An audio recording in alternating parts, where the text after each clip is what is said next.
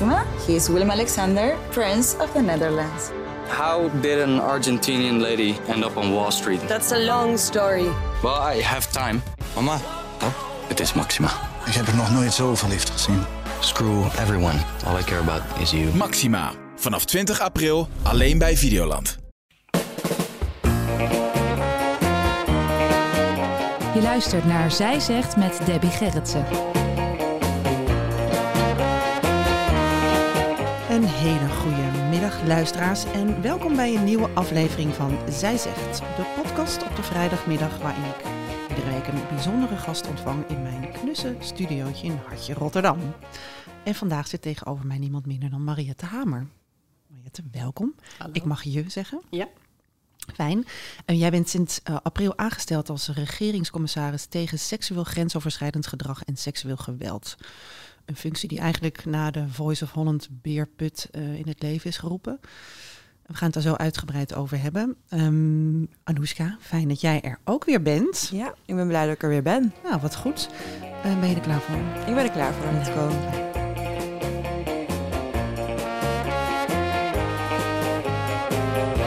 Voordat we het gaan hebben over grensoverschrijdend gedrag, wil ik graag eh, nog het nieuws eventjes met jullie doornemen. Doen we eigenlijk elke week eventjes, een, een nieuwsitem. Ehm nou ja, het nieuws wat mij deze week behoorlijk bezig hield, eh, ja, was de uitspraak in Amerika. Het verwerpen van Roe v. Wade. Anoushka, vertel, hoe zat dat ook alweer precies? Ja, het Hoge Rechtshof heeft daar dus besloten dat er na eh, 150 jaar eigenlijk een einde komt aan het grondwettelijke wet op abortus. Die uitspraak dus in die eh, zaak Roe v. Wade is verworpen. Dat is een, eh, een wet uit 1973 waarbij vrouwen die abortus willen plegen worden beschermd. Een stap terug. eh, waar heel Amerika over is gevallen, in Nederland trouwens ook. En eh, ja, je hoort president Biden. The court literally taking America back 150 years. This is a sad day for the country, in my view. But it doesn't mean the fight's over. Let me be very clear and unambiguous.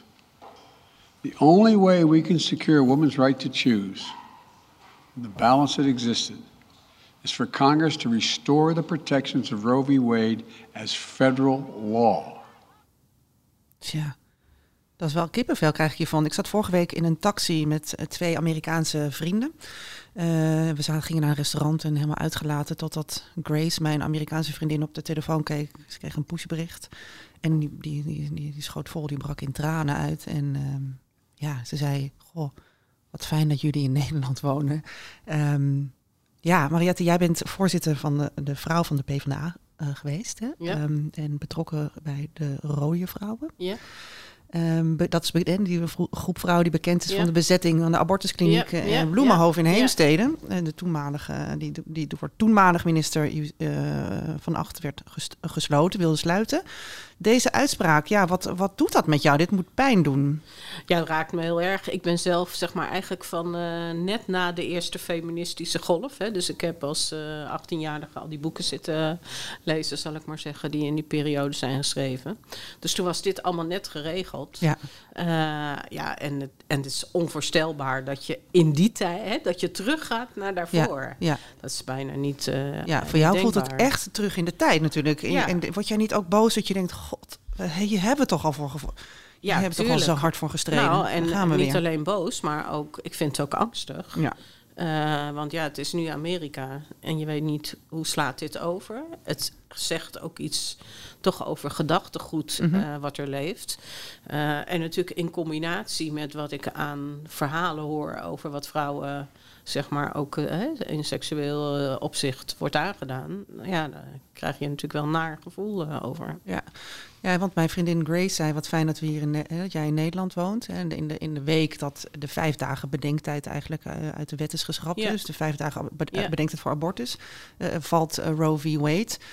Hoe staan we er eigenlijk voor in Nederland? Dus, eh, hoe, eh, Nou hoe- ja, we, eh, eh, zeg maar, je merkt natuurlijk in Nederland zijn er ook twee stromingen. Hè. We hebben natuurlijk heel lang tegen eh, de, de, de, wat ik dan maar even noem, de conservatief eh, christelijke stroming. eh, hè, onderhandeld van wat mag wel en wat mag niet. Tot en met, eh, hè, is dat vorig jaar rond deze tijd, eh, met een heleboel partijen. Probeerde het kabinet in elkaar te zetten. Ja. En toen was dit soort onderwerpen, en dus niet zozeer wat we al geregeld hadden, maar welke stappen ga je verder zetten, natuurlijk belangrijk. Hè? Ethische kwesties, belangrijk onderdeel van die agenda. Maar toch is dat goed uitonderhandeld En dat destijds. is uiteindelijk allemaal goed eh, gekomen. Maar ja, nou ja, wat ik beangstigend vind is eigenlijk dat hè, je denkt toch Amerika een land in ontwikkeling. Eh, dat zo'n stap weer terug kan gaan. Ja. En hoe kwetsbaar we zijn. Ja. En ik vind de Nederlandse politiek wel heel kwetsbaar. Ja. Omdat het zo versnipperd is geworden. Dus het ook moeilijk is. Hè, waar gaan meerderheden zich dan, eh, Ja. Eh, dan vinden in de toekomst? Ja, en zeker ook wanneer je weet, en, en- en- en weet dat in het Nederlandse recht op abortus zijn geen recht. Het is natuurlijk een soort gedoogbeleid. Het staat Ja. in het, in het straf, straf, Ja. eh, het is, Ja. ja. in het strafboek. Hè? Wanneer wordt dat nou eens geschrapt? Hoe, hoe, hoe staan we daarin? Hoe, hoe, Ja, ik denk eerlijk gezegd op dit moment laten we vooral eh, strijden voor wat we hebben. ja.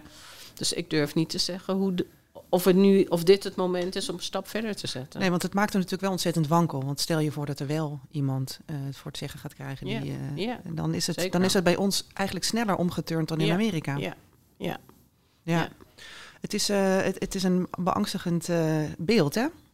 Ja, precies. En ik zie het zelf wel zeg maar als in een groter plaatje. Hè? Dus, de, dus je ziet steeds eigenlijk stappen vooruit als het gaat over vrouwen. Emancipatie, en zelfbeschikkingsrecht, wat erachter zit. Ehm, en we denken dat we hele kleine stapjes vooruit maken. Hè? Of het nou op, over ethische kwesties is, abortus of hè, diversiteit. Maar je ziet ook hoe kwetsbaar het is en hoe snel het weer terug kan slaan. Ja. Ja, en dus moeten we het eigenlijk veel beter verankeren in de wet, zodat dat Ja, niet kan. Hè? Ja, en, en een vuist maken, sneller een vuist maken met eh, de vrouwen, zou ik zeggen. En Ja. de mannen die erachter staan. Hè, want het is ook voor mannen uiteindelijk Zeker, heel zeker. belangrijk. En zaterdag is er een eh, grote demonstratie in Amsterdam. Ga je daarheen? Eh, dat denk ik niet, omdat ik andere verplichtingen heb die Mhm. ik al heel lang heb. Maar ik vermoed mijn dochter wel. Ah ja, dus je zou het wel eventueel zou doen. Als je tijd zou hebben, zou je gaan. Ja, ja, ja, ja. ja. Ga jij, Anoushka? Ik eh, zou heel, ook heel graag willen, maar ik kan ook helaas niet. Oh, nee, nou, dan ga ik het voor jullie oplossen. Ja. Ik ga er staan voor Oké, jullie. nou dan geven we onze foto's mee.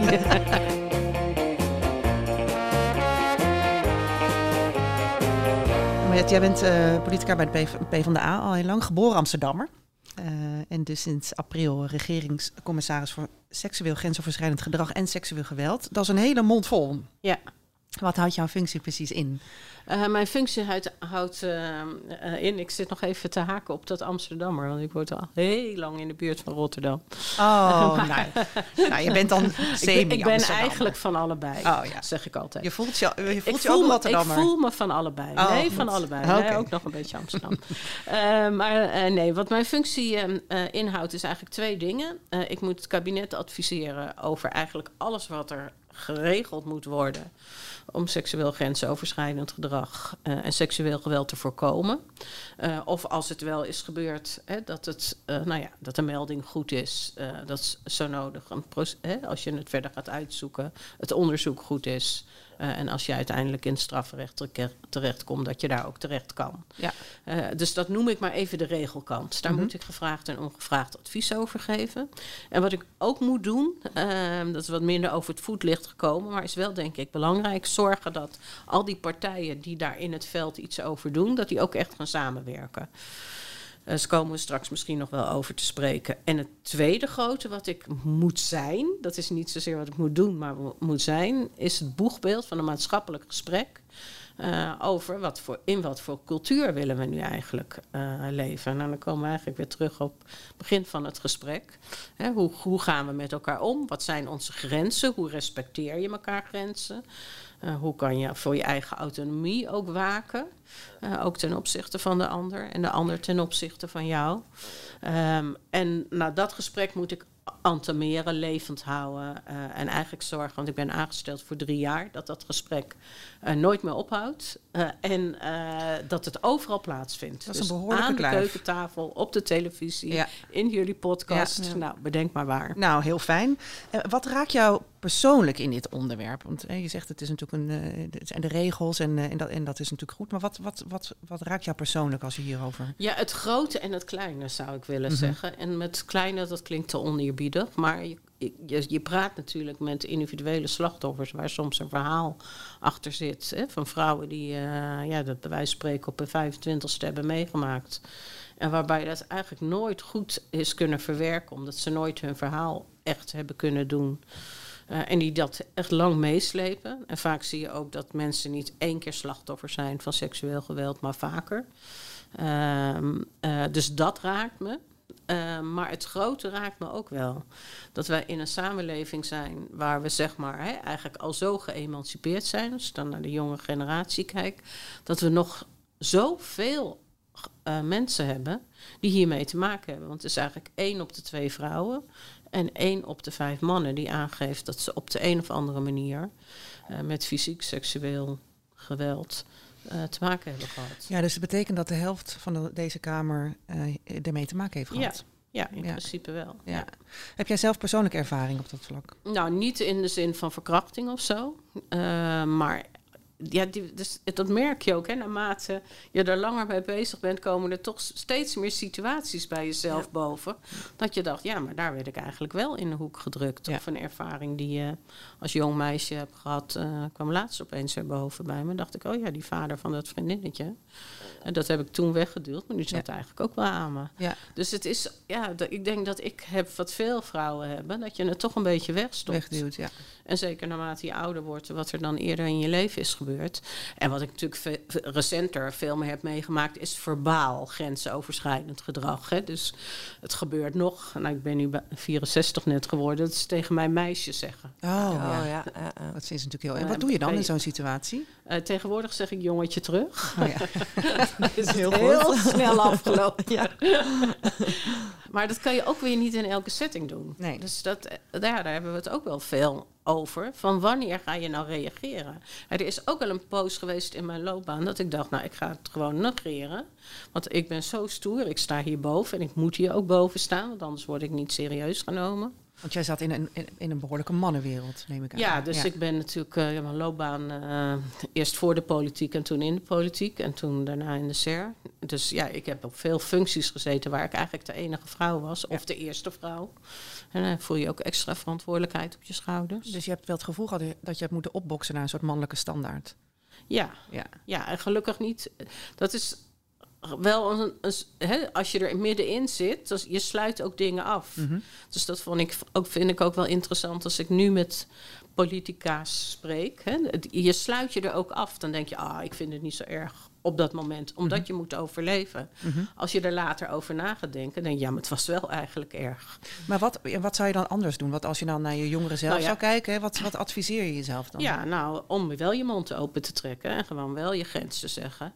En wat ik er ook wel bij geleerd heb, is dat je dat niet alleen voor jezelf doet, nee. maar dat je ook een, daarmee een een voorbeeld bent uh, voor anderen. Ja, maar goed, de, de, de, het risico aan je mond opentrekken in zo'n situatie is ook dat je misschien uh, ofwel wordt ontslagen of niet meer wordt gevraagd. Ja. Hè? Dus er zitten ja. ook risico's aan. Zeker, zeker. Dus, uh, dus, dus in die zin begrijp ik heel goed uh, wat ik gedaan heb. En kan ik, erken ik ook dat ik me nu echt veel meer, en zeker in deze functie natuurlijk, kan permitteren dan vroeger. Maar ja. je zou willen dat je het woord permitteren niet meer hoeft te gebruiken. Nee, nee. Dus vandaar dat ik zo de nadruk ook leg op. Hè, we hebben het vaak over de slachtoffer of melder of de ervaringsdeskundigen. zijn alle, we zijn nog op zoek naar de goede woorden ja, ook. Ja, ja. Uh, uh, hè, en de potentiële pleger. Maar het is eigenlijk vaak een driehoek. Er is wel vaak iemand bij, zeker bij verbaal geweld, maar ook bij het beginnen hè, van het versieren of wat dan ook en wat ongewenst is. Vaak een omstander bij.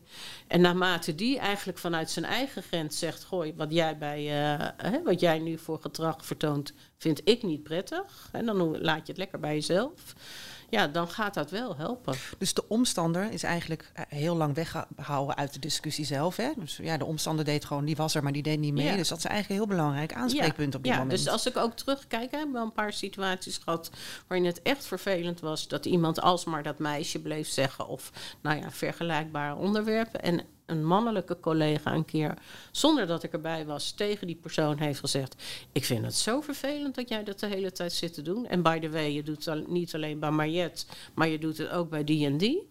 En toen was het afgelopen. Oh ja. En dat is natuurlijk hartstikke fijn. Ja, ja. ja dus iemand, hè, dus elkaar aanspreken ja. op gedrag helpt. Ja, zeker. Ja, ja. Maar je kreeg het sinds jij bij, uh, de, sinds je aanstelling heel veel ja, noodkreten en over echt schrijnende en traumatische gebeurtenissen. Um, ja, mensen vragen echt hulp, uh, omdat ze er zelf niet uitkomen. Wat doet dat persoonlijk met jou, al die? Ik, ik kan me voorstellen, de, de laatste maanden heb je zoveel te horen gekregen. Het is wat doet dat met jou? Nou, er zijn eh, zeg maar, ik heb verschillende dagen. Dus er zijn dagen, dan kom je terug, dan heb je echt met heel veel mensen gesproken die ermee bezig zijn en die oplossingen aan het zoeken zijn, materiaal aan het maken zijn, methodes aan het ontwikkelen zijn of met mij dat gesprek willen voeren. Dan kom je aan het eind van de dag met heel veel energie. Dan kom je thuis van, oh, we gaan dit doen en we gaan dat doen. En, uh, en er zijn natuurlijk dagen, dan heb je meer gesprekken met uh, ja, mensen die het hebben meegemaakt. Dan kan ik ook wel somber komen. Ja. ik denk, jeetje mina, wat, wat slepen die mensen mee? En wat verantwoordelijkheid eigenlijk voor ons allemaal om dit op te lossen. Want waarom doen we dit in een moderne samenleving? Ja, nou, heb je daar een antwoord op? Nee, dan, nou ja, dat hebben we natuurlijk niet precies. Nee. dus je, je kan risico's aangeven. dus we weten dat het vaker voorkomt in de combinatie van mannen met veel geld, uh, een machtsrelatie, jonge vrouwen. dus het zijn, je kan allemaal risicosfactoren uh, opnoemen. Er is net een rapport uit over de cultuursector, maar geldt niet alleen voor de cultuursector. Waarin zegt, ja, al die tijdelijke contracten maken bijvoorbeeld uh, werknemers, kan trouwens ook voor, voor mannen uh, zijn, kwetsbaarder om, ja. te, om te zeggen wat je niet wil. dus er zijn omstandigheden. Maar deep down, waarom gaat iemand bij een ander de grens over? Ja, dat is natuurlijk moeilijk te begrijpen. Heel moeilijk, ja. En ik denk wel dat er zijn... Hè, er is ook een gradatie natuurlijk... A, in welk gedrag uh, de daders... Uh, wat ze vertonen... en B, de bewustwording. En dus wij kregen al vrij snel een manifest aangeboden... van een aantal jonge mensen. Waarbij ook een jonge vrouw... ik geloof dat ze ook in het AD uh, een interview heeft gegeven... He, zei, ja, ik ben verkracht door een jongen... maar ik denk dat hij niet eens doorheeft... Nee. dat hij mij verkracht ja. Nou, dat is inderdaad een heel goede. Dat, dat is dat grijze gebied. Dat is ja. een, heel, een heel goede, goede discussie die we moeten voeren. Precies, daarom heel is belangrijk. Dat maatschappelijke gesprek. Hè. Er werd eerst gezegd, je moet een debat voeren. Maar bij een debat heb ik meer. Je kan voor of tegen zijn. Hm. Dit, dit, is, niet meer, voor tegen, ja. Je moet met elkaar hebben over hoe respecteer je nou de grenzen. Ja, wat zijn de grenzen en wanneer ga je over iemands grenzen heen eigenlijk. Hè? Dus um, ik ben zelf ook verkracht, een paar uh, tien jaar geleden bijna. en ik, heb, ik ben sindsdien heel erg aan het praten over wat nou wat is nou dat grijze gebied? Want er wordt heel veel gedacht dat de, de, de, de vrouwen die worden verkracht van een, een, een fiets worden getrokken, de busjes worden gesleept. En, maar dat is zo'n klein deel van de slachtoffers um, van verkrachting. Is juist in de, in de, de privésfeer of juist op, op werksfeer of in de kroeg of in een, eh, op een Tinder date. Die, die verhalen moeten verteld worden. En daarin eh, moeten we veel meer afpellen van waar zit dat nou precies? En wanneer gaat nou iemand over een grens heen? Ja. Um, ja, dus eh, een heel goed gesprek, maar ook een ingewikkeld gesprek. Jazeker. En we leren daar natuurlijk ook veel meer over. Hè? Dus ik denk ook dat er veel vrouwen zijn die zeg maar toch momenten hebben gehad, hè? ook bij wijze van spreken in een relatie, dat je denkt, ik wil niet meer. Nee. En het toch, toch nog doet. Ja. Ja. ja. ja, dus de grenzen bepalen is echt zo moeilijk. En, en, en daar ook aan vasthouden is echt heel ingewikkeld. Wat zeg jij nou tegen die slachtoffers die jij spreekt? Ik bedoel, wat, wat adviseer jij ze? Ja, nou, ik heb wel van het begin af aan uh, probeer ik helder te maken, ook aan mensen. Ik ben geen ombudspersoon, uh, om het zo maar te zeggen. Um, en we hebben natuurlijk Centrum voor Slachtofferhulp, we hebben uh, Centrum voor Seksueel Geweld. En die zijn veel deskundiger uh, dan ik in zeg maar, hè, hoe, doe, hoe doe je het hulpverleningstraject. Toch wil ik heel graag, als mensen dat willen, praten om te begrijpen wat heb je meegemaakt, wat zijn de mechanismes. En wat ik merk is, er zijn ook gewoon vrouwen die dan, nou ja, hè, die zeggen, nou het is goed, bel me maar. En die na dat gesprek zeggen, nou ik hoef verder niks meer, maar ik ben wel blij dat ik aan jou een keer mijn verhaal uh, kwijt ben ja, geraakt. Ja. Ja, dat is wel fijn, hè? Ja. Dat is wel echt een, een heel groot onderdeel ook van het verwerkingsproces. Ja. En, ja, ja. ja. ja. Ja, want het is lastig hè, voor slachtoffers van seksueel geweld in, in heel veel situaties en in bedrijven, maar ook eh, waar we ook zijn. Hè, dus wat moeten slachtoffers doen? Want je zegt het is een goede hulp, dat is er in principe, maar naar de politie gaan is best heel ingewikkeld. Voor mij is het afgeraden, ik ben naar huis gestuurd. Ja.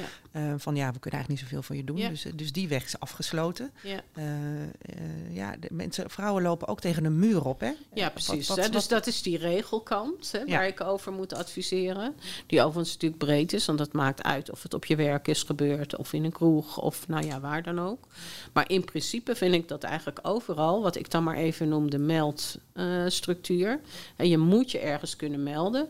Uh, en eigenlijk zouden we natuurlijk ook naar een situatie moeten dat als je aangifte doet, dat je dat kan doen en dat serieus wordt genomen. Ja. Dat is natuurlijk een groot probleem aan capaciteit, dat snap ik ook. Dus we kunnen het allemaal niet vandaag doen, maar we moeten het wel zorgen dat het serieus genomen wordt. Ja. Dus wij gaan natuurlijk ook met mensen hè, uit de politiewereld praten, et cetera. Hoe kunnen we dat oplossen? Ja. Alleen wat ik wel merk, is dat naarmate dat stuk daarvoor beter geregeld is, dus naarmate, dat hoor ik veel vrouwen zeggen, dat, van, dat ze zeggen, nou, misschien, ja, die aangifte is misschien minder belangrijk als ik daarvoor maar goed mijn verhaal dat klopt. kwijt kom. Of als ik maar in staat ben om die ander eens uit te leggen wat hij nou met mij gedaan heeft. Dus ook dat hele stuk moeten we in orde maken. En dat is het ook niet. Uh, want in veel sectoren, nou, de Voice was daar natuurlijk een goed voorbeeld van. Ja, dan zijn er wel vertrouwenspersonen, maar niet in een open cultuur waardoor je je durft te melden. Nee, want je kan, nee, precies. Want je kan je dan melden, maar dan wordt uiteindelijk dan niks mee gedaan. Ja, of je hebt het gevoel dat er niks mee gedaan wordt. Dat weet je ook natuurlijk niet altijd precies. En soms uh, is de vertrouwenspersoon ook niet in staat om er iets mee te doen. Nee. dus er komt nu na de zomer een initiatiefwetsvoorstel in behandeling. Uh, van Senna Matoeg, uh, die daarmee bezig is. Dat is een eerste stapje. Dus wat ik eigenlijk zie, is we zijn met al die stukjes die je wilt doen, ook als het gaat om preventie op scholen, er zijn eerste stapjes. He, dus het is niet dat ik bij nul hoef te beginnen. Maar er moet na die eerste stapjes nog wel heel veel gebeuren. Want als je dan vertrouwenspersonen hebt, moeten ze ook afhankelijk zijn. Ja. Moeten ze ook deskundig zijn, moeten ze zich vrij uh, kunnen voelen. Hè? Dus als je in de OR zit, kan je niet ontslagen worden. Eigenlijk zou je ook zoiets willen voor vertrouwenspersonen. Ja, en dat is er nog niet eigenlijk dus. Nee, nee, er is dus minder, eerlijk gezegd, ook minder geregeld dan ik dacht. En wat er, wat er wel is, is dat je ziet dat zeker op de werkvloer nu heel veel werkgevers aan het checken zijn. Ben ik aan het doen wat in ieder geval nu uh, moet. Mhm. Ehm, en dat iedereen ermee bezig is. Dus dat is positief. Dus ik denk wel dat dit het momentum is om door te pakken. Maar er moet dan wel heel veel geregeld. Ja, dus alle, alle regeldingetjes moeten aan elkaar geknoopt worden. Ja, precies. Ja, Dat is eigenlijk uh, wat, je, wat, wat de grootste taak is de komende tijd. Um, en, en, als we het over de Voice hebben, de, dat is eigenlijk al wel een tijdje stil rondom de Voice. Hoe, uh, hoe, hoe, staat het daarmee? Nou, wat ik weet um, is dat ze dus met dat onderzoek uh, heel druk bezig uh, zijn. Um, en zowel RTL als Talpa als ITV zijn op hun eigen werkvloer bezig geweest met te kijken hoe zit onze cultuur in elkaar. Uh, en zijn daar uh, plannen voor aan het maken. En daarnaast zijn er natuurlijk echt een aantal aangiftes gedaan die bij het Openbaar Ministerie liggen. Ja. Dus eigenlijk op alle fronten is men wel, uh, wel bezig. Ja. Maar ook daarvoor geldt natuurlijk dat je er. Nou ja, we moeten natuurlijk afwachten wat het Openbaar Ministerie gaat doen. En we weten de uitkomsten van dat onderzoek nog niet. Nee. Nou, dus ook wel een beetje geklaagd. Durven die slachtoffers daarheen te gaan? Ja, heel nou, ik weet dat ja. onderzoeksbureau dat heel erg graag wel wil. Ja. Uh, uh, ja, en zeg maar, de, de mediasector is eigenlijk bezig met het ontwikkelen van een soort gezamenlijk convenant. Mm -hmm. Dwars door hè, de publieke en de private omroep, als je het zo mag zeggen, uh, heen. Okay. Om te zorgen dat ja, die, die, die werkvloer op orde is. Want hoe doe je dat dan? Hè? Want ik heb advocaat Sebas Dijkstra ook gesproken en hij zei er zijn heel veel slachtoffers die zich niet durven te melden. Ja. En dat begrijp ik ook, want ja. ik weet al hoe het voelt. Je gaat niet zomaar naar, nee. uh, naar je. Nee. En, en, wat gebeurt er dan? Hè? Want er ja. gebeurt eigenlijk, hè, je hebt je gemeld en dan, wat gebeurt er dan? Hoe, hoe, hoe, ga, hoe ondervang je dat nou? Nou ja, ik denk toch als je met zo'n onderzoek werkt, hè, dus het is nog weer wat anders. Er zijn natuurlijk ook een aantal slachtoffers die, die hun zaak ligt gewoon, hè, dus bij het Openbaar Ministerie. Uh, maar als je met zo'n onderzoek werkt, dan is het heel belangrijk dat dat onderzoek voldoende vertrouwen geeft. Hè, dat je goed je verhaal kan doen, dat daar uh, vertrouwenwekkend mee om wordt gegaan. Uh, en dat er uiteindelijk ook goede conclusies uh, aan verbonden ja. worden. En dat er met die conclusies iets wordt gedaan. Mhm. Ja, in zijn algemeenheid, want het is lastig, het onderzoek is nog bezig. Dus ik ben heel voorzichtig met iets Snap te zeggen ik. over lopend onderzoek. Um, maar wat ik wel erboven hangend zie, hè, want sinds ik ben begonnen hebben we een heleboel onderzoeken gehad. Hè, bij Ajax, bij de Volt, bij D66, bij de PvdA. Uh, nou, noem maar op. Uh, en je ziet dat het heel ingewikkeld is om dat onderzoek, zoals het in ieder geval bij deze voorbeelden is gedaan, om dat goed te doen. Dus daarom heb ik ook gezegd, ik wil eigenlijk met een aantal onafhankelijk onderzoekers of onderzoekers die hier goede ervaringen mee hebben, kijken of we niet een soort stappenplan moeten Ja. maken. Want wat maakt het dan moeilijk? Nou ja, zeg maar, soms heeft het te maken met hè, wanneer begin je het onderzoek? Wil iemand nog wel meedoen? Hoe ver ga je terug? Hè? Dat zag je bij dat D66-onderzoek, Mhm. wat zich dan uiteindelijk toespitst op één geval, maar via een anonieme melding was, die eigenlijk veel meer over de cultuur ging. Ja, dus, dus is dat onderzoek wel helemaal ingegaan op wat de bedoeling was. Nou, daar zag je ook privacy, openbaarheid ingewikkeld. Uh, je ziet bij een aantal kwesties, uh, wat is nou privé, wat is nou werk? Waar mag de werkgever zich nog wel en, En niet mee uh, bemoeien?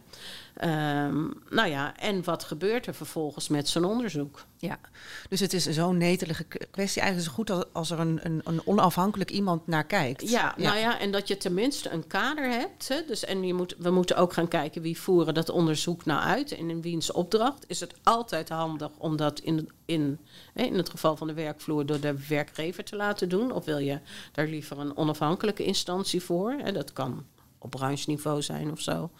Dus daar zijn we allemaal nog naar aan het kijken. Ja. Daar heb ik het antwoord nog niet nee. op. Maar ik zie hier wel echt iets waar we een oplossing voor moeten gaan zoeken. Ja. en dit zijn dan de kaders en eigenlijk ook de regels. En ja. die kunnen we best goed in, inkleden eigenlijk. Het duurt even, maar goed, dat gaat je lukken uiteindelijk. En dan hebben we ook nog zoiets als een cultuurverandering. hè? Want precies. We, we hebben de, de victim, victim blaming is, gebeurt aan de, aan de lopende band als we het hebben over, uh, over The Voice of Holland. Maar we hebben ook bijvoorbeeld de Johan Derksen gehad op tv. Ja. Hè, de, uh, wat zijn daar dan? Hoe heb jij daarnaar gekeken? Nou ja, daar heb ik me ook over uitgesproken natuurlijk, na die eerste twee uitzendingen omdat ik ja, eigenlijk een beetje on, onthutsend vond. Mhm. Mm -hmm. uh, eigenlijk het onbegrip, het niet, door, het, het niet doordringen leek het wel bij die mannen... wat ze eigenlijk aan het doen waren en ja. waar ze om zaten te lachen. Ja, want vooral dat lachen om een situatie, of het nou wel of niet waar was. Ja, dat is natuurlijk en dat eigenlijk... je uiteindelijk denkt dat het uitmaakt hoe je de kaars hield of zo. Ja. Maar de vernedering is daarvoor natuurlijk al uitgesproken. Ja. Um, hè, dus en da en dat, dat het je dan eigenlijk ook niet lukt, dat vond ik misschien nog wel het meest bijzonder. Om gewoon te zeggen, joh, ik heb hier de plank helemaal misgeslagen. Stom. Ja. Ja. Excuus had ik niet mogen doen. Nee. Sorry aan al die vrouwen die ik gekwetst heb.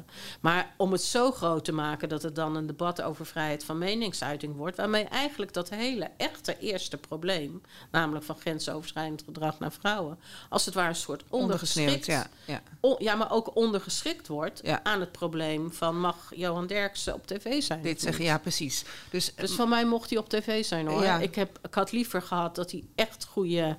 Hè, het echt had begrepen, zal ik maar zeggen. Maar is dat dan onvermogen of is het ego? Daar ken ik de man niet goed nee, genoeg voor. Nee. Dat durf ik niet te zeggen. Nee, snap ik. Um, en wat vond jij van de reactie van Talpa daarop eigenlijk? Want die hebben natuurlijk ook iets over te zeggen. Ja, nou, die heb ik zien worstelen. Dus Hmm. uh, dat hebben ze later ook wel verteld. Hè, want in eerste instantie wilden ze stoppen en toen weer niet. Ja, en toen zijn zij ergens toch ook meegezogen, de, zo kijk ik ernaar, in dat debat over die vrijheid van meningsuiting. Ja, en, en, dan wordt het een heel ander debat en dan ja. wordt het ook ingewikkelder. Ja. En wat jammer is, is dat de maatstaf, dit doe je niet met een man of een vrouw, was net zo goed omgekeerd geweest, dat die eigenlijk verdwenen is in de discussie. Maar ja, dit is wel ook een heel goed voorbeeld van wat macht doet. En hoeveel macht je kan hebben op tv en dat je dus allerlei dingen kan roepen en eigenlijk ook kan blijven zitten. Alleen ik denk wel, hè, dus wij bepalen wel met z'n allen, als hele samenleving, wat we daar uiteindelijk van vinden. Ja. En wij kunnen ook zelf de nuance aanbrengen, dat we, dat we ook dit zeggen, van we moeten het weer uit elkaar trekken.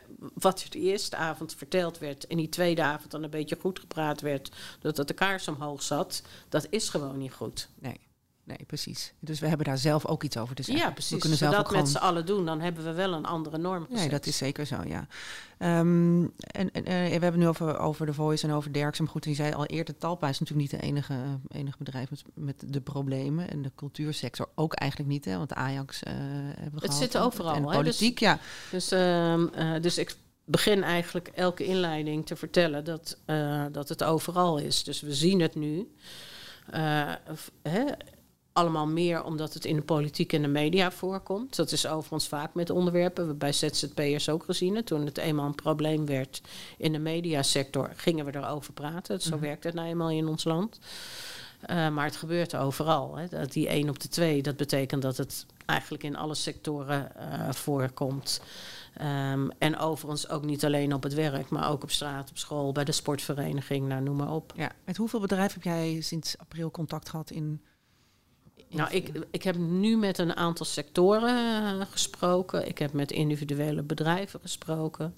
Ik heb met individuele directeuren gesproken. Ik durf niet te zeggen ja, hoeveel gesprekken ik heb gehad. Maar hoe komen, hoe komen zij bij jou? Hoe, hoe gaat dat? Nou, is dat op eh, basis van klachten? Of, of, Nou, heel veel nee. Dus zeg maar, dit is in februari is natuurlijk, heeft het kabinet naar buiten gebracht dat ik in april zou beginnen. Eh, en ik kan je verklappen dat wij zeg maar van april tot mei bezig zijn geweest om zeg maar een beetje orde te brengen. Wie zich tussen februari en Oh ja. april bij mij gemeld hadden. Ja, en dan is het ja, deels natuurlijk, ja, je, sommige hè, mensen ken je en denk je nou het helpt als ik snel met die ga praten. Hè, bijvoorbeeld, nou ja, de directeuren van Talpa's, et cetera. Omdat je weet dat heeft meteen veel effect. Eh, ik heb geprobeerd met een x aantal slachtoffers te praten, omdat ik het belangrijk vond hè, om die verhalen beter te begrijpen. Nou, soms is dat individueel geweest, maar ik heb ook, hè, eh, Amnesty heeft een groepje van, eh, eh, van vrouwen die zelf ook proberen dingen te doen. Daar heb ik mee gesproken. Ja, dus ik ben een beetje kriskras door Ja. al die aanvragen heen gegaan. En als ik al die aanvragen zou moeten honoreren, dan ben ik nog vijf jaar alleen maar aan het praten. dus dat gaan we niet doen. Dus wat we gaan proberen, want we willen wel. Ja, mensen geven ook wel iets belangrijks aan door ons te schrijven. Kijken of we bijvoorbeeld verdiepingssessies. Dat we mensen die, hè, bijvoorbeeld, zijn veel mensen bezig met leuk en goed materiaal voor scholen maken. Nou, die gaan we bij elkaar halen. Dan kan ik in één keer ja. hun recht doen en ze ook verbinden aan elkaar. Ja. Ja, dus je ziet ook wel een beetje gelijkenis in of, of Ja. eh, thema's voorbij komen. Ja, waar- precies. ja, dat, dat hè. Dus we hebben van de week eh, heeft het kabinet een contourenbrief eh, eh, uitgeschreven voor wat er ongeveer straks in dat actieplan moet gaan komen. En daar heb ik mijn reactie weer op gegeven. En als je goed daar naar kijkt, zie je de thema's ook naar voren komen. ja, precies. En dat is dan, die thema's zijn dan eigenlijk vertrouwenspersonen en, en onderwijs op school, preventie. Preventie, eh, dat onderzoek. eh, nou, hè, dus, de, dus die de, eigenlijk. En daarna natuurlijk ook de hulpverlening. Daar hebben we het helemaal nog niet over gehad. Maar wil ook dat er goede hulpverlening is. Ja. Dus die hele keten. Dus dat, ik zeg al door ik loop op twee benen. Hè, de regel, het regelbeen en het praatbeen. Het ene moet een gesprek voeren. nou, dat doe ik wel met mijn hele lijf hoor. Maar, Ja, en het, en het en, het, regel. en het andere moet regelen. Ja. ja. En dus dat staat allemaal in dat, dat, dat actieplan. Hè? Ja. Ehm, eh, dus de vertrouwenspersonen zijn, eh, die, die, die komen heel erg aan bod. En, wat, en over, die, over die, eh, de, de zorgverlening of de hulpverlening. Nou ja, ook daar zie je, dus er, dus er is best wat. Alleen lang niet iedereen kan het vinden. Ehm, er is, het is versnipperd. Eh, soms wil je iets specifieks. Dus we hebben een eerste gesprek gehad met een aantal partijen, groot en klein, van hoe hè, die, die een partnership ook met elkaar willen aangaan.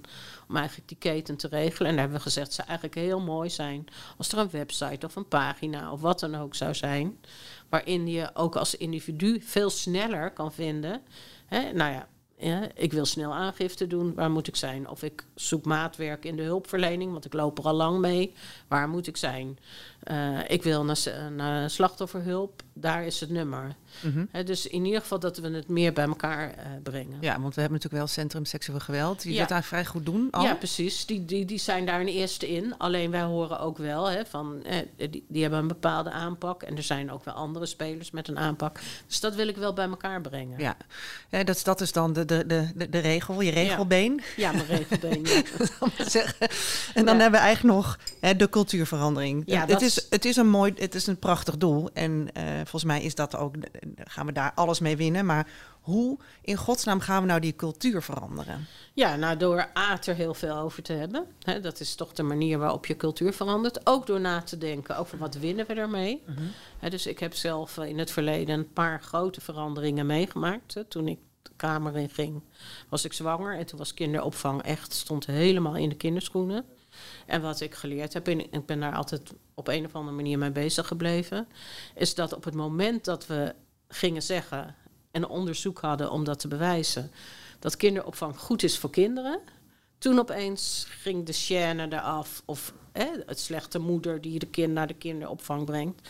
En naarmate we dat steeds meer, heb ik ook bij deze formatie weer gezien, naarmate dat steeds meer ook in de hoofden van politici lang, land, gaan we dus ook makkelijker dat organiseren. Dus we hebben eerst bewijs nodig in Ja, onderzoeken en een- voordat we het gaan En geloven. een, en een positief iets erbij. Datzelfde zie je bij diversiteit, hè, bij vrouwen naar de top. Ben ik natuurlijk ook heel erg mee bezig geweest. Toen uit onderzoek bleek dat die bedrijven beter gaan functioneren, toen ging het bedrijfsleven om. Precies. Nou, ik heb nu nog een extra reden ervoor, want je ziet dat bij bedrijven die divers zijn, komt er minder grensoverschrijdend gedrag voor. Ja, ja, dat is volgens mij echt een hele belangrijke Ja. oplossing voor dit probleem. Ja. Ja, dus dat moeten we ook blijven doen. Hè? Ja. Dus, die, die, Dus het, het zit hem op die veel... gelijkwaardigheid eh, tussen vrouwen en mannen. En overigens, hè, ook mannen kunnen slachtoffer zijn. Overigens ook van mannen. Hè. Dus dan denken we vaak, oh ja, die vrouwen doen het ook. Dat, dat is ook zo. Maar ook mannen zijn soms slachtoffer van mannen. Ja, zeker.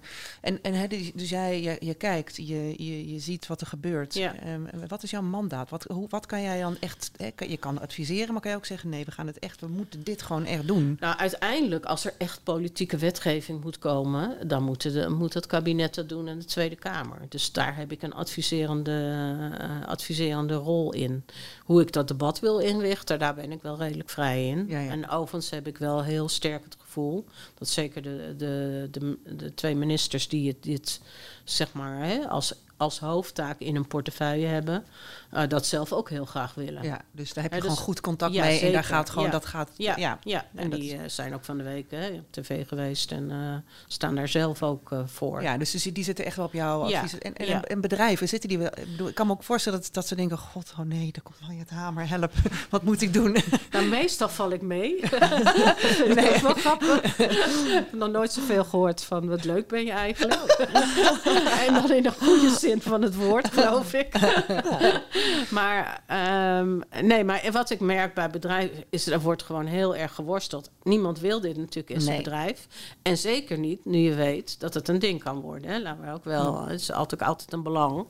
Dus niemand wil in de krant komen met bij mij in het bedrijf gebeurt dit. Nee. Ik zie ook veel verwarring. Ehm, eh, hè, dus, eh, dus, nou ja, dat, dat zag je van de week bij de discussie met de ministers bij op één ook even. Hè, van mag je nog wel een grapje maken? Nou, ik denk dat er mensen zijn die dat echt niet weten. Maar ik denk er ook, ja, dat heb ik echt geleerd in die, in die strijd van vrouwen naar de top, zal ik maar zeggen. Het is ook een afleidingsmanoeuvre. Dus er zijn ook echt mannen die naar mij toe komen. Oh, help, wat mag ik dit nog wel zeggen? Nou, denk ik, weet jij best wel. Ja, Eh, en, eh, en ze moeten ook eigenlijk wel lachen als je dat dan terugzegt. dat weet je best wel. Ja, dat is het beste antwoord. Ja. Ja. Ik er altijd heel moe van. Ja. Maar je mag ook niks. Wat mag ik nou nog wel zeggen? meer zeggen. Ja. Ja. Weet je best. Ja. Maar er is de andere kant, dat voel ik ook, hè, de chaîne. Van, en, en doe ik het verkeerd? Mhm. Daar zit ook een op, bij een heleboel ook wel echt een oprecht gevoel. Ja, want en dus- dat moeten we serieus nemen. Ja. Want ja, cultuurverandering doe je niet doe je met de hele samenleving. Ja. Dus met mannen en vrouwen. En het geldt overigens ook, hè, want er zijn ook vrouwen die dat zeggen. Eh, en ook vrouwen die voor mannen opkomen. Zeker. Die kennen we ook. Ja. Die dan zeggen, ja, maar mag hij dan niks meer? Ja, natuurlijk wel. Nee, dus als je, maar als je het met respect doet, mag je, mag je een heleboel. Mag je heel veel, ja. En we moeten oppassen dat we niet de, de, de cultuurverandering ook een cancelcultuur erin gaan fietsen. Nee, precies. Ja. Dus eh, er zijn natuurlijk van die cabaret-sessies... dat, hè, dat voordat je een date hebt, dat je eerst allebei moet tekenen. Ja, ja, ja. Nou ja, dat is leuk om even te laten zien waar gaat dit over. Maar dat wil je natuurlijk Nee. uiteindelijk niet. Nee. Maar ja, het- hoe, hoe hebben we, als we nou al hier over een jaar zouden zitten, ehm, ja, hoe ga jij, hoe, wat zou er dan A veranderd moeten zijn? Nou, dat we eigenlijk dit gesprek heel makkelijk met iedereen kunnen voeren. Dat Mhm. zou ik hopen. Dus dat we een beetje zeg maar, van die afleidingsmanoeuvres. Hè, dat iedereen daarvan snapt, dat hoef ik niet meer te doen. Maar dat we serieus een gesprek hebben over wat, hoe kom ik er nou achter? Want daar gaat het eigenlijk over. Hoe kom ik er nou achter dat ik, hè, wanneer ik jouw grens overga? Ja. En hoe, hoe, hoe, hoe- wat voor gesprek hebben we daar dan over? Ja. En hoe kunnen we dat ook een beetje doen op een manier die niet bedreigend of naar is? Ja, dus helemaal afgepeld is het eigenlijk, je moet er gewoon de focus hebben op wat is grensoverschrijdend Ja. en wanneer. Ja. En dat gesprek moet Ja. gewoon duidelijker en makkelijker gevoerd worden. Ja, en ik denk een jaar heel snel, hè? Ja, dus, goed. Ik zie- dus, dus dan hebben we een paar van die dingen goed geregeld. En ik denk het heeft ook met elkaar te maken, want naarmate je weet dat het de meldstructuur, zal ik maar zeggen, beter geregeld is, gaat daar natuurlijk ook een preventieve werking Ja, eh, vanuit, ook komen. mag je hopen. En hoe, hoe kunnen we dat controleren? Hoe kan je dat controleren? Ja, dat is heel moeilijk. Ja. Dus daar zijn wij ook aan het nadenken. Hoe kunnen we zeg maar wat we doen ja, zichtbaar maken? Het is ook moeilijk om. en Je kan, ja, je kan nou wel zeggen, we willen van die één, hè, van die twee naar weet ik veel Ja. minder. Maar hoe ga je dat meten? Dat is lastig. Dat is moeilijk, ja. ja. Dus dat En is wanneer- ook iets waar we. En wanneer is iets geslaagd? Hè? Is het van, van twee of naar, naar tien? Of naar, Ja. wat, wanneer wanneer zijn we er dan? Ja, dat weet ik ook nog Nee, niet. dat is moeilijk. Dat, dat ben ik echt te kort voor bezig om daar een realistisch doel voor te stellen. Ja. Maar ik vind wel dat we ons moeten, voortdurend moeten afvragen: zijn we nou een beetje voor de gezelligheid bezig? Of zijn we echt iets serieus Zijn we iets aan, aan het oplossen? Ja, zijn we iets aan het oplossen? Ja, Ja. ja, dat is de vraag. Nou ja, we gaan het volgen. Ja. Ik ben heel benieuwd. Ehm, en ik, eh, nou, volgend jaar eh, nodig, ik nodig je nu alvast uit om weer Nou, volgend dan jaar te komen. En dan beloof gaan ik je dat ik zeker weer Ja, kom. daar gaan we hier nog eh, verder over praten. Heel interessant. Ik, ik ben gewoon heel benieuwd eh, hoe, eh, hoe dit gaat. En ik, ik, ja, ik hoop zo dat er een, dat er een cultuurverandering komt. En dat, Ja. er, eh, dat er dingen gaan Nou veranderen. ja, mijn wedervraag is: doe met me mee, praat erover. Ja. Ja, zeker. er aandacht aan. Ja, dat doen we zeker. zeker. gaan we het samen doen? Ja, zeker. Nou, fijn. Eh, hartstikke bedankt eh, dat je wilde komen. Ehm Anoushka, ben jij de volgende week eigenlijk ook weer? Ik ben er volgende week niet. Nee, ik eh sla even twee weken over. Mijn collega Harmke die schuift eh, hier volgende Oh. week aan. Eh, en eh, volgende week ook oud-columnist en advocaat Carrie Jansen. En ik kan je nu al vertellen, eh, die Rotterdamse die neemt geen blad voor de mond. Dus Oh. ik ben heel benieuwd wat zij zegt. Ik hou van Rotterdam. En Am- Amsterdam is ook, Rotterdam is ook, voor allemaal. Leuk dat je luisterde naar Zij Zegt. Wil je nou nog meer van mij horen of lezen? En dat wil jij? Ga dan naar ad.nl slash zijzegt en abonneer je op mijn nieuwsbrief.